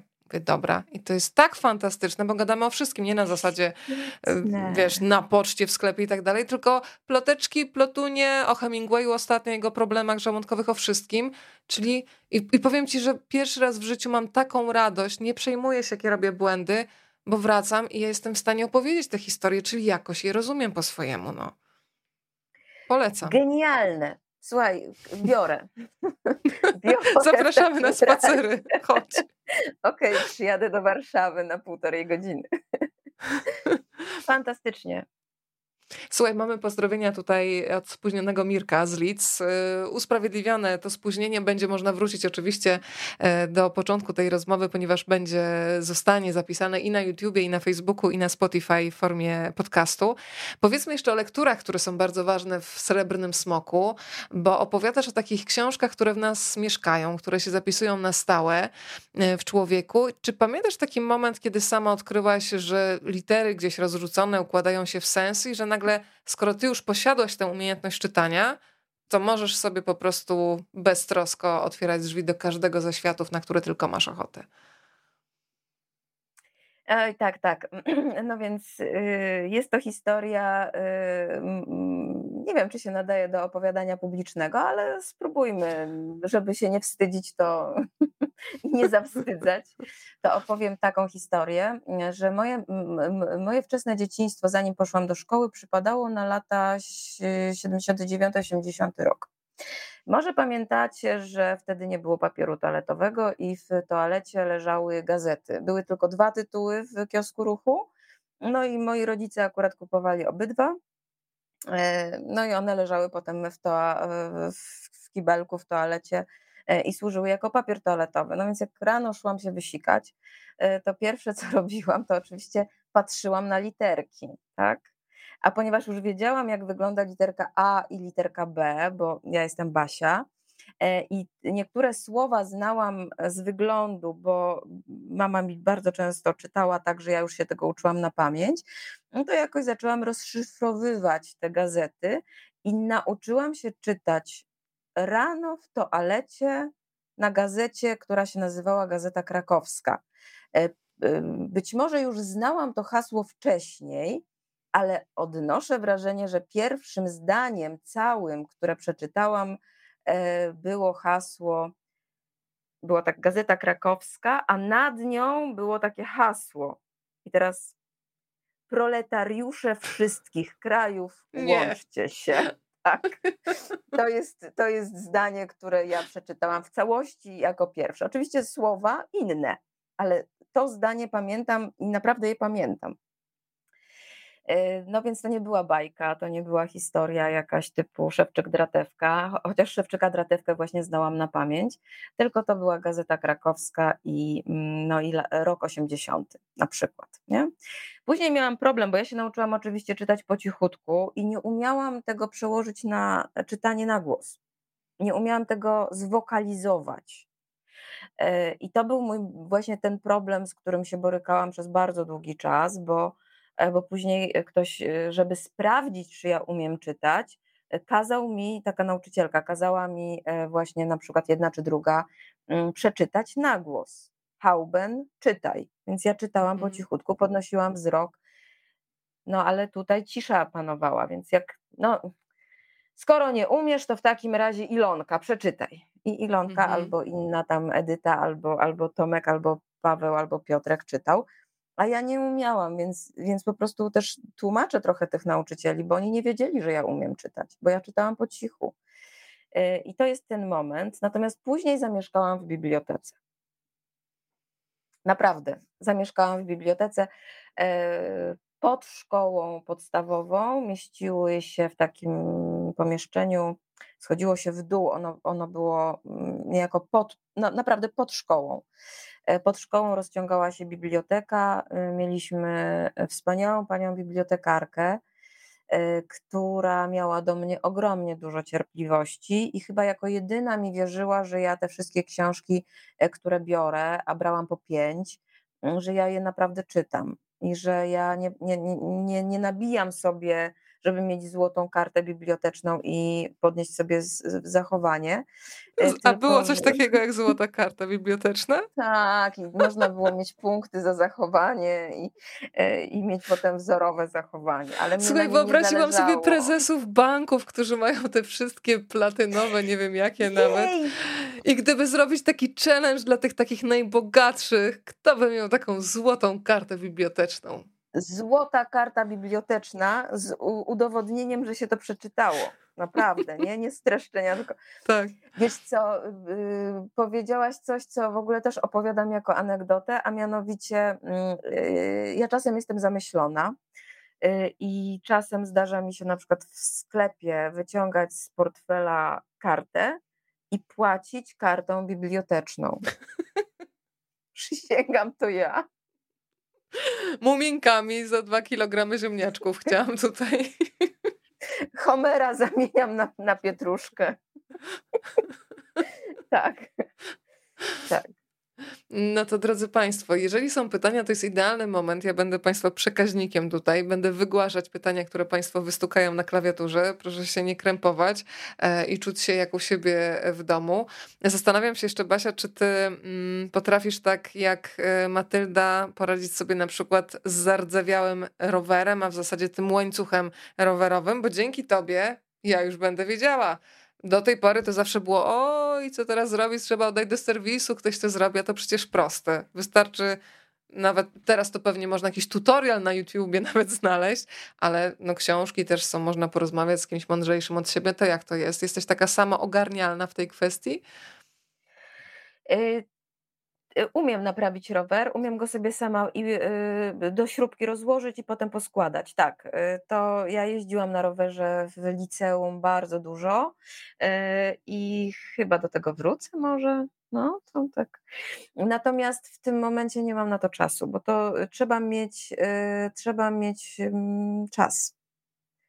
To jest bardzo przyjemne, Całe popołudnie mogłabym to robić, ale, ale nie mam takiego popołudnia na razie. Więc albo zlecam to mojemu synowi i mówię: Grzesiek, przygotuj mi rower. Grzesiek wzdycha, ale mi przygotowuje, e, albo, e, albo oddaję do serwisu. No niestety po, posiłkuję się pomocą z zewnątrz. Ale tak, umiem, umiem zrobić. E, wiem też na przykład, jak zlikwidować luzy, gdzie jest sprzączka przy, przy łańcuchu. Tak, Mostek kierownicy to nie jest tajemnica dla mnie. Mhm. No, bardzo ładnie, ja, chociaż ja jestem bardziej pod wrażeniem RF-u i Grota. E, ja jako człowiek, który nie potrafi nawet pływać, to, to wiesz, to słownictwo żeglarskie obce, chociaż Paulina Reiter trochę mnie ostatnio doszkoliła przy okazji jej opowieści. Mm, o oceanicznej, ale wiesz co, mm, jestem jeszcze bardzo ciekawa, jak to jest. Państwo tutaj cały czas komentują. O proszę, mając kilka lat pani Ela napisała, czytałam szyldy nad sklepami, szłam z babcią przez miasto. Moje ulubione to tofi i bombonierka. Jeden 100 metrów od drugiego. Ciekawe dlaczego. Też bym lubiła e, te szyldy. E, o proszę bardzo, pan Krzysztof, Basiu, to tobie. Ta pani jest fantastyczna i proszę jej to przeczytać. Zrobione, Ojej. panie Krzysztofie. E, Postaram się opowiadać fantastyczne historie. Ta jest absolutnie fantastyczna, ponieważ jest naprawdę z wyobraźni. Dziękuję. To bardzo. jest teraz pani Beata jeszcze. Ja przygodę z książkami zaczynałam w sanatoryjnej bibliotece od obkładania książek w szary papier. Potem mogłam je pożyczać w nieograniczonej ilości. E, to skoro szary papier, to e, przyznam się, że odwiedziłam ostatnio swoją bibliotekę szkolną ze swoim siostrzeńcem. Szliśmy po Paszczaka i w ogóle zapunktowałam tak, bo on nagle na mnie tak spojrzał, ty znasz Paszczaka? A ja mówię, jak mogłabym nie znać Paszczaka? Ale otworzyliśmy drzwi i poczułam zapach tych książek, właśnie mhm. obłożonych w papier. I to było jak teleport. W ogóle zapomniałam, że ten zapach istnieje i, i myślę, że zapach, jeżeli chodzi o pamięć, to też jest jakaś taka niesamowita o, tak. historia. Tak. O tak, tak. Tak, Ale tak. pogadajmy jeszcze o niebezpieczeństwie. Trochę zostawię to niebezpieczeństwo z książki, żebyśmy za dużo nie odkrywały. Tam jest niebezpieczeństwo, tam jest rada y, smoków, trzeba namierzyć skąd ono nadchodzi i jak sobie z nim poradzić. Ale po twojej książce też myślałam, Basiu, bardzo dużo o tym, o takich niebezpieczeństwach w polskiej szkole. I może to też jest dobry moment, żeby przynajmniej dwa, trzy zdania o tym pogadać. E, rozmawiałyśmy przy okazji matur i zwróciłaś mi uwagę na taką rzecz, o której wcześniej nie myślałam. Ile trwa taki egzamin i czego tak naprawdę wymagamy od młodych ludzi? Że ten egzamin, wy... Y, o właśnie, aż mi się wyrwało prawie, egzamin dojrzałości jest egzaminem wytrzymałości chyba i opresyjności. Dlaczego? No niestety tak.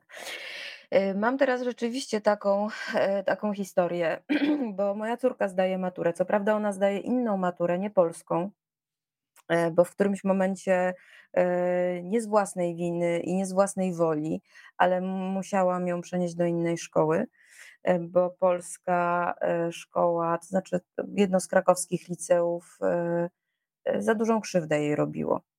E, więc, więc Olga zdaje inną maturę. Stąd też mam porównanie, dlatego że no właśnie w tym momencie u Olgi siedzi jej najbliższa przyjaciółka i uczy się do zwykłej matury.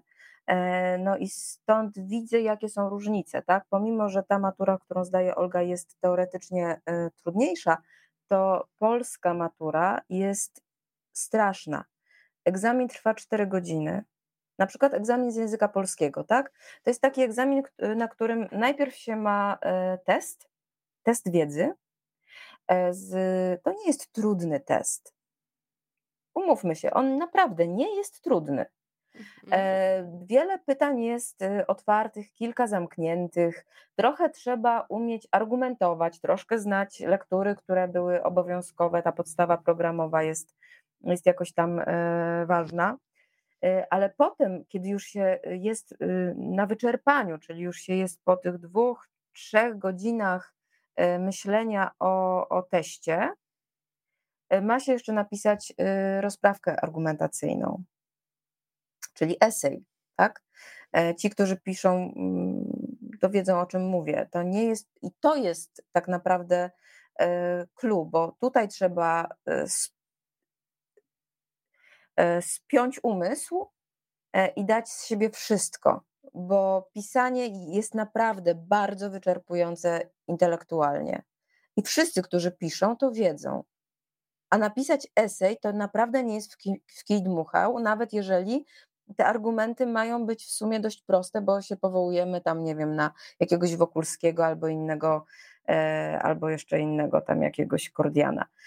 E, to, jest, to, jest, to jest tortura. To jest intelektualna tortura. Nikt nigdy od nikogo w życiu dorosłym nie będzie wymagał tego, żeby przez cztery godziny był na najwyższych intelektualnych obrotach, przy jeszcze takim założeniu, że przez ostatnich 12 lat cały czas dokręcano śrubę stresu. Musisz to zrobić, bo sobie nie poradzisz na maturze. Musisz się uczyć, bo nie wyrobisz się przed maturą. Jak nie zdasz matury, to będziesz wyjadał z, ze śmietników. Jak nie zdasz matury, to się nie dostaniesz na najlepsze studia, albo na najgorsze, albo na jakiekolwiek chcesz, tak?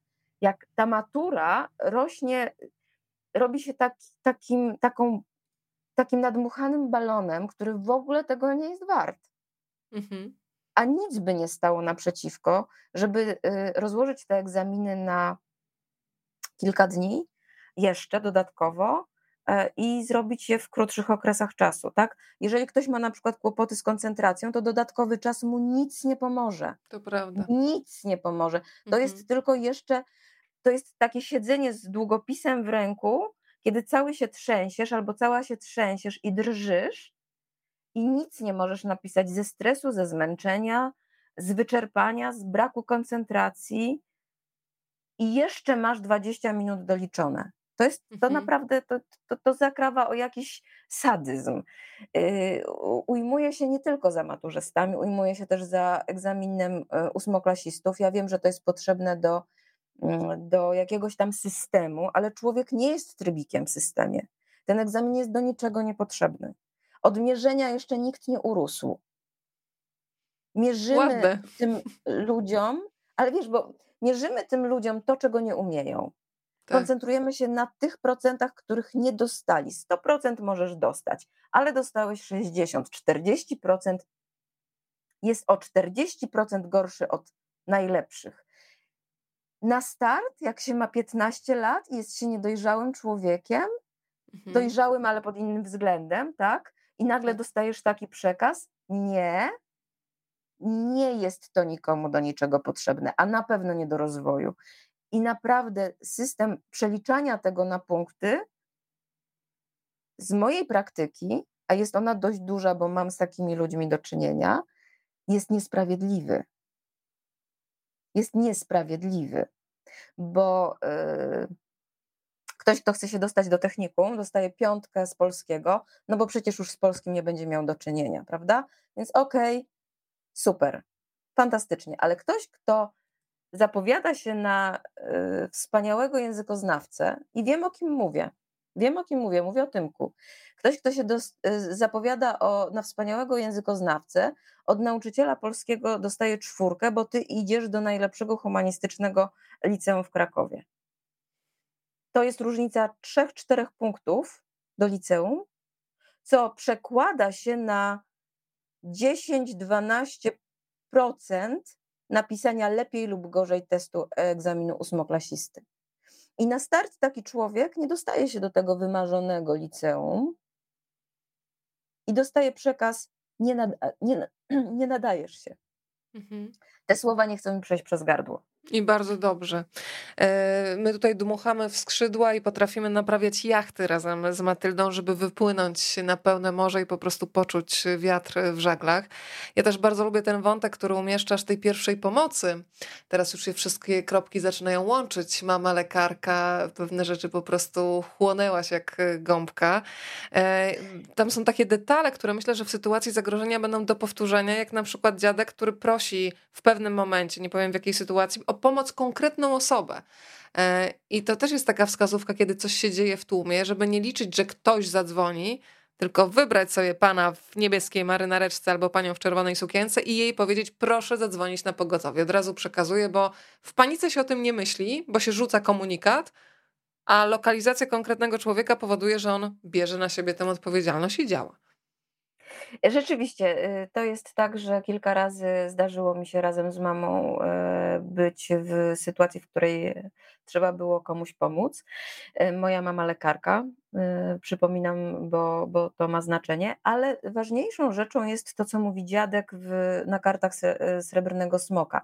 On opowiada. Mm, on opowiada historię o srebrnym smoku, który przyleciał na pole bitwy i tam e, było już właściwie po bitwie, bo ten smok się trochę spóźnił e, i udzielał właśnie pomocy e, rycerzom rannym.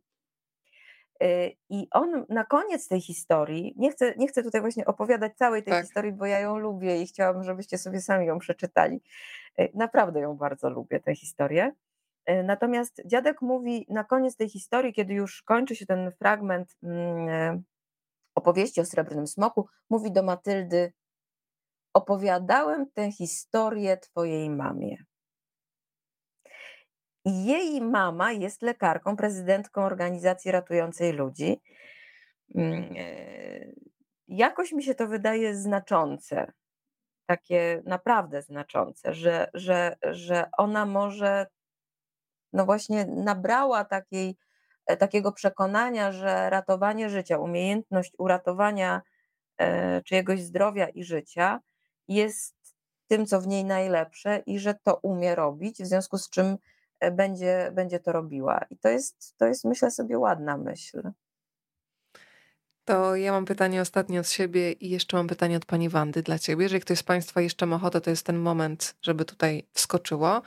E, która z tych lektur, które się pojawiają na kartach Srebrnego Smoka jest ci najbliższa? Bo pewnie z różnych powodów je tam wrzucałaś do środka, bo były też takim e, pomostem do konstruowania różnych opowieści, które nas prowadziły od człowieka do człowieka, ale zastanawiam się, która z nich najbardziej w twojej dziecięcej wyobraźni, potem już nie tylko dziecięcej została.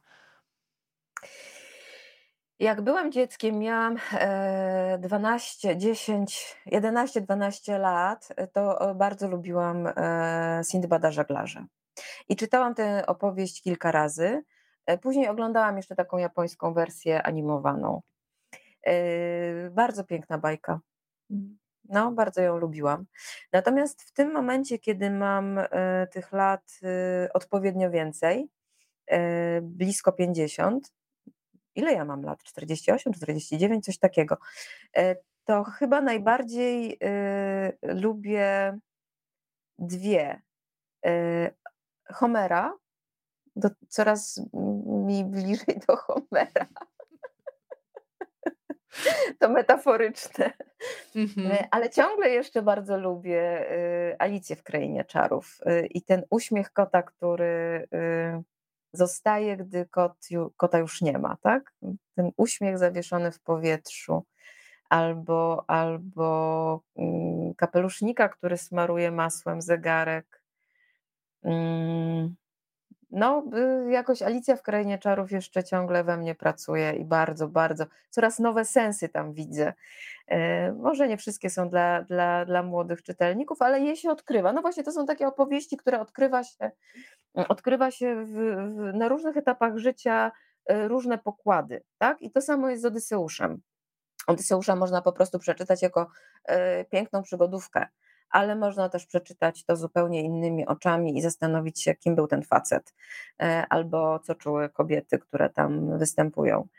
Kim jest Charybda, no, to fajne. E, I to samo jest z Alicją w Krainie Czarów, to samo jest z Cervantesem. E, to też jest metaforyczna opowieść o nas. Tak to widzę dziś.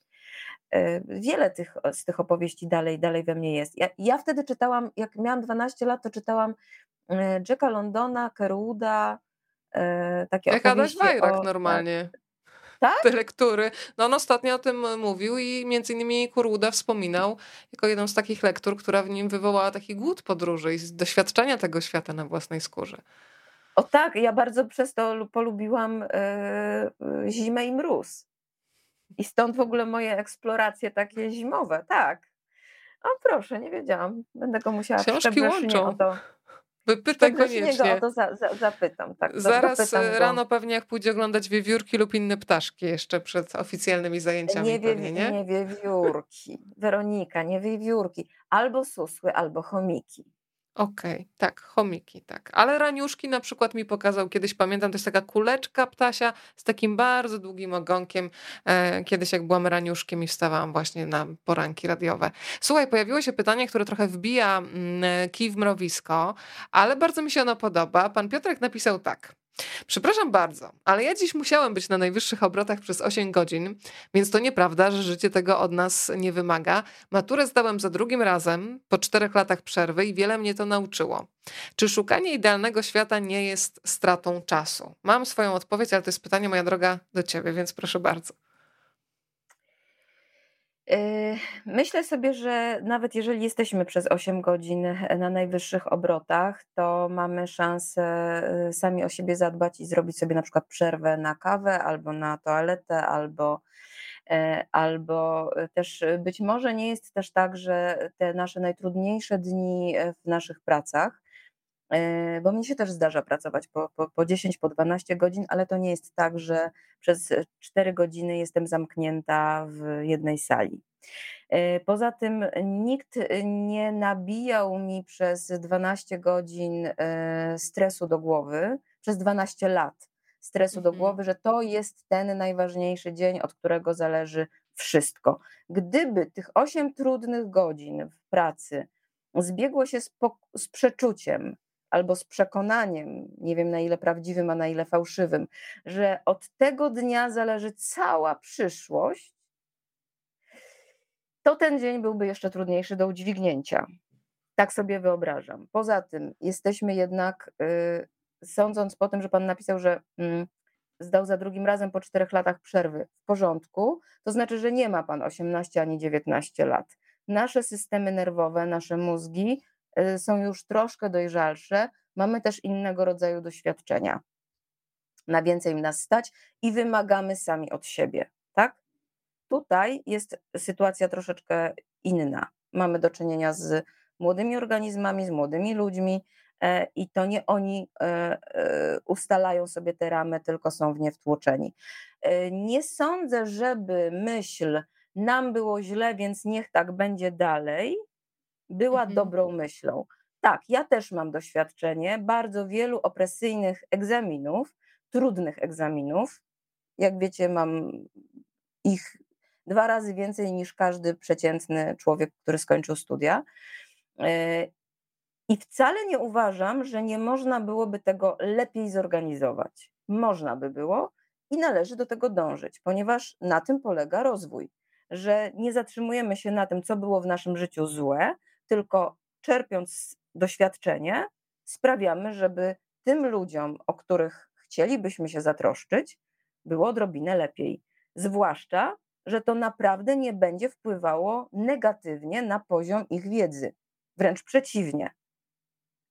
Człowiek w stanie permanentnego, bardzo wysokiego stresu nie daje z siebie wszystkiego. To jest sytuacja uciekaj, tak? Gdy tymczasem na egzaminach powinna być sytuacja współpracuj. Niech wszystkie Twoje, cała Twoja wiedza, wszystkie informacje ze sobą współpracują dla najlepszego efektu. I to nie powinna być sytuacja bardzo wysokiego stresu, tylko takiej lekkiej mobilizacji, takiego spięcia, nie? Okej, okay, to jest ten moment, kiedy piszę, ale to nie jest coś, co mnie rozwala. I ja wiem, że sobie ci młodzi ludzie z tym poradzą, tylko koszt, jaki za to zapłacą, jest ogromnie wysoki i jest niepotrzebny. Oni byliby zdrowsi, szczęśliwsi, mm, lepiej by zdawali te egzaminy, z większą radością by do nich podchodzili. Czy znacie kogoś, kto podchodzi z radością do matury? Może, tak? Może 10% Pewnie jakieś pojedyncze, tak, pewnie są, tak. ale osoby, w większości jest to stres. Szóstki, nie? Tak. Ale jest to stres ci ludzie, którzy by przechodzili przez maturę lżej, nie chodzi o poziom naukowy, chodzi o organizację egzaminów. być może lepiej wchodziliby w system nauki studenckiej, tej bardziej dojrzałej, takiej już wymagającej samodzielności i samodzielności zdobywania wiedzy i samodzielności myślenia i, i tego, co e, uniwersytety na świecie, w Europie i na świecie, Polska też jest w Europie, nie, nie, nie opozycjonuję tutaj, nie robię czarno-białych e, różnic, e, oferują studentom. Czy powinniśmy dążyć do tego, żeby świat był idealny? Wydaje mi się, że właśnie na to nie, nie szkoda czasu. Szkoda czasu na wszystko inne. Natomiast na poszukiwanie świata, który będzie dobry i bezpieczny, nie szkoda czasu. O to powinniśmy, y, nie chcę powiedzieć słowa walczyć, ale na to powinniśmy e, starać kłaść się nacisk. Tak, tak mhm. tak, starać się i mieć w tym troskę, mieć tutaj uwagę. Nie żeby było tak, to coś na zasadzie ja nie jeździłam na wycieczki, ty też nie będziesz jeździł. Mnie było ciężko i pod górkę, tobie też powinno być. W ten sposób na przykład nie udało mi się przeprowadzić eksperymentu, mm, na który zgodziła się dyrekcja szkoły i, e, i nauczyciele, żeby uczniowie w klasie szóstej e, nie mieli przez jeden semestr e, zadań domowych, z wyjątkiem długoterminowych. Bardzo o to walczyłam, żeby młodzi ludzie po szkole mieli czas wolny na pasję, na, na, na, na ponudzenie się, na odpoczęcie, tak? A nie, że jestem w szkole e, e, między 7 a 9 godzin, a potem przychodzę do domu i znowu otwieram te same zeszyty, w te same linie i te same kratki. E, I bardzo mi na tym zależało, natomiast nie udało się tego przeprowadzić, właśnie dlatego, że było kilkoro rodziców. Warunek był taki, że wszyscy się na to zgodzą. Było kilkoro rodziców, którzy powiedzieli, że oni się musieli bardzo dużo uczyć po szkole, jeden rodzic tak powiedział, więc on chce, żeby jego syn też tak się dużo uczył. E, a jeden rodzic powiedział, e, że jeżeli nie będzie lekcji, to on już swojego e, dziecka w ogóle nie będzie miał czym dyscyplinować. Użył tego słowa. Nie będę miał czym go dyscyplinować. I, I tu wracamy też do opowieści o tych narzuconych autorytetach, prawda? Że jestem autorytetem, bo jestem twoim rodzicem, tylko i wyłącznie dlatego, w jakiej jestem roli masz mnie słuchać. A to jest bardzo smutne, prawda? Mnie brakowało czasu na, to, na, na to, żeby na przykład z, z, z sobie z nimi porozmawiać, bo właśnie na przykład oni mi mówili, musimy się pouczyć. Musimy jeszcze zrobić tam, nie wiem, ileś zadań z matematyki, z fizyki, z chemii, e, albo coś tam napisać z polskiego Akurat y, y, i Olga, i Grzegorz mieli mm, wspaniałych nauczycieli w podstawówce i bardzo dobrze trafili, więc wiele rzeczy udało nam się i tak, im się udało i tak przeprowadzić po swojemu. Natomiast no, wiem, że to jest łód szczęścia i że nie można na to liczyć. A chciałabym, żeby, chciałabym, żeby było więcej samodzielności i swobody w szkole. Myślę, że to byłoby z radością. Srebrny smok nie jest o szkole. Srebrny smok nie. jest o wakacjach. Właśnie zaczynają się wakacje i Matylda tak wyjeżdża na Smoczą I tego, Wyspę. Tak, i tego, czego się można nauczyć od takich bliskich ludzi i to jest najpiękniejsza nauka. To na finał pytanie od y, pani Wandy. Pani Basiu, e, wcześniej pani powiedziała, że ma w głowie drugą część, to kiedy możemy się spodziewać w księgarniach? Proszę, już tutaj jest presja lekka. E, powiedz szczerze, podpisana jest umowa czy nie? Nie, nie, nie, ja, ja już wspominałam i Karolinie, i, i, i innym osobom, że chciałabym pociągnąć wątek. Y, I ja go na pewno napiszę, ale to jakby nie, nie, nie uważam, że wszystko, co napiszę, jest y, y, koniecznie musi zostać wydane. Tak czy owak, w jakiejś formie pewnie, pewnie mm, będę o tym myślała. Rzeczywiście w Srebrnym Smoku, tak jak, tak jak teraz tę książkę czytam, jest kilka wątków niedomkniętych. Ja lubię niedomknięte wątki, dlatego że one e, otwierają myślenie o książce i można sobie je po swojemu podopowiadać. Na przykład o jak ma na imię dziadek Matylda, albo kim on naprawdę jest, jaki wykonywał zawód, y, gdzie pracował. Trochę tam jest podpowiedzi, więc, więc można sobie, ale tam jest kilka wątków rzeczywiście niedomkniętych, które we mnie pracują. I ja bym chciała na przykład już te dziewczyny wysłać na, na, na, na, na morza i oceany, niech żeby one sobie pożeglowały, skoro mają taki fajny jacht.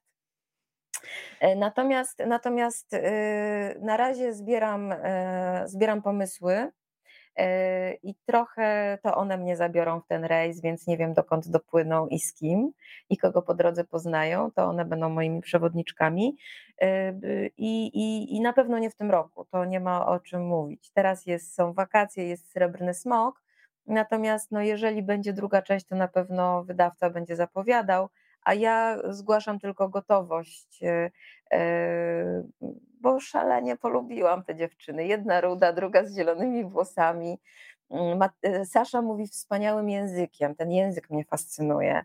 Ja bym go sobie chciała trochę bardziej rozwinąć. No właśnie, myślę sobie, że, że, że udało mi się trochę przez przypadek i trochę dzięki właśnie tym bohaterom, których stworzyłam, albo którzy sami się stworzyli i, i pojawili na kartach tej książki, udało mi się y, napisać taką książkę, która rzeczywiście mm, robi coś takiego, że się chce o niej myśleć.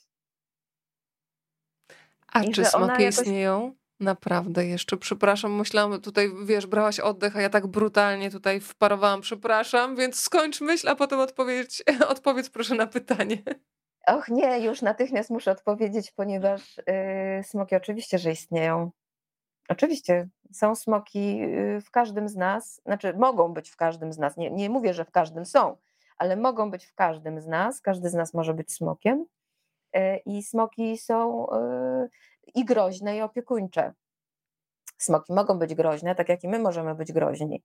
E, jak trzeba, to potrafimy pokazać pazury i siać ogniem i pokazać wściekłość. Ona jest bardzo dobra E, ale możemy też opiekować się taką wyspą, która wymaga opieki, albo taką ziemią, która potrzebuje naszej opieki. Jej, bardzo, bardzo lubię smoki.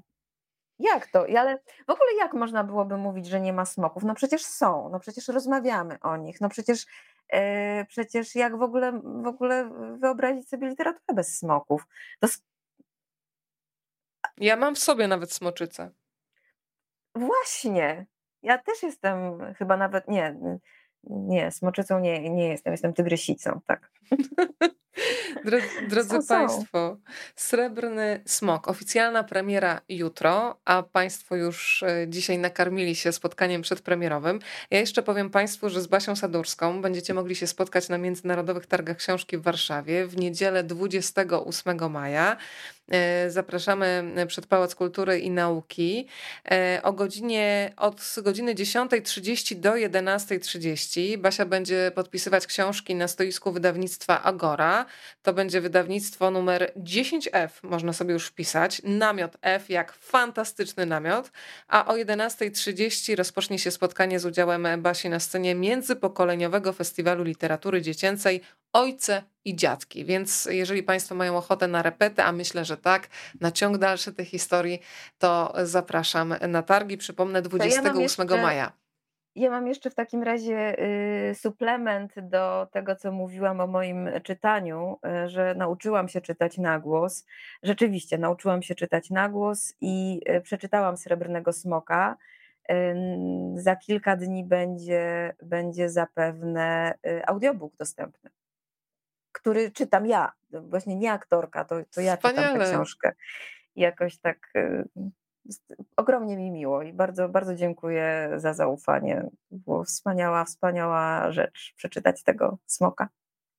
Pozdrawiamy też Marcina e, Minora, przypomnę, ilustratora tej książki. Życzę Państwu takich wygodnych e, foteli do czytania, jaki Marcin e, skonstruował. Przypominam ten model. Proszę szukać, być może wkrótce pojawi się faktycznie na rynku. Ja Cię, Basia, jeszcze zobowiązuję do tego, że dostarczysz mi przepis na kremowe poziomki, bo Państwo tutaj tak łatwo nie odpuszczą. A na finał chciałam Cię zapytać, bo już wszyscy będziemy zmierzać powoli w kierunku łóżka. Załóżmy, że mam teraz taką moc możemy sobie założyć, że taką mam, e, że stworzę dla ciebie taki sen, o jaki mnie poprosisz. To znaczy, możesz sobie wybrać dowolną książkę, w którą wejdziesz przez najbliższą noc, czyli najbliższych 6-7 godzin, i będziesz tam jedną z postaci. Z jakiej książki? Gdybyś miała taką możliwość, że przykładasz głowę do poduszki i nagle Basia jest w świecie, no właśnie, jakim?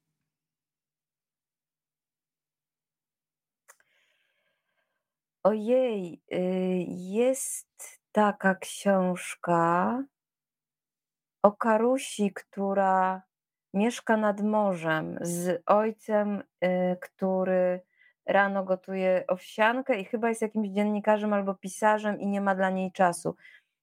Smok, piaskowy smok. O, Nie, piaskowy wilk. Piaskowy wilk.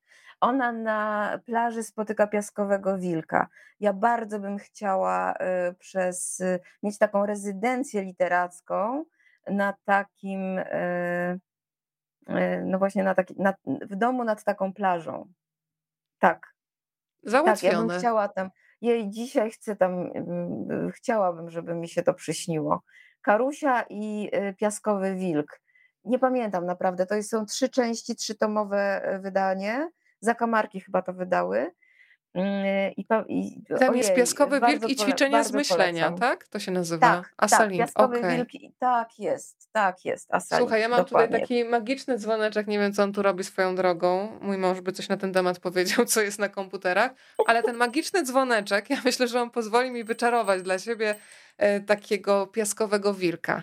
Więc życzę wszystkim, słuchajcie, tak. którzy są po drugiej stronie, spokojnej nocy.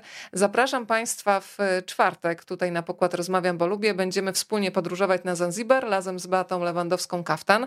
Afryka jest kobietą, to jest profil, który prowadzi Beata. Porozmawiamy o kulturze Suahili, o kulturze dzielenia się, o różnych kooperatywach kobiecych na tej wyspie, więc zapraszam o 20.30 w czwartek. E, a Basi Sadurskiej dzisiaj z całego serca dziękuję e, i odezwie się do mnie jutro z przepisem i o tym, czy ten dzwoneczek mój działa, czy, czy muszę go dać do naprawy, dobra? Jasne, oczywiście. Bardzo Ci dziękuję za zaproszenie. Jesteśmy w kontakcie. Jeżeli uda mi się wydostać y, przepis, a uda mi się za chwileczkę, e, to się nim podzielę. Drodzy Państwo, srebrny smok. Proszę się zanurzyć w świat tej opowieści i pisać do Basi z wrażeniami już e, po lekturze. Spokojnej nocy i do zobaczenia. Bardzo dziękuję. Dobranoc.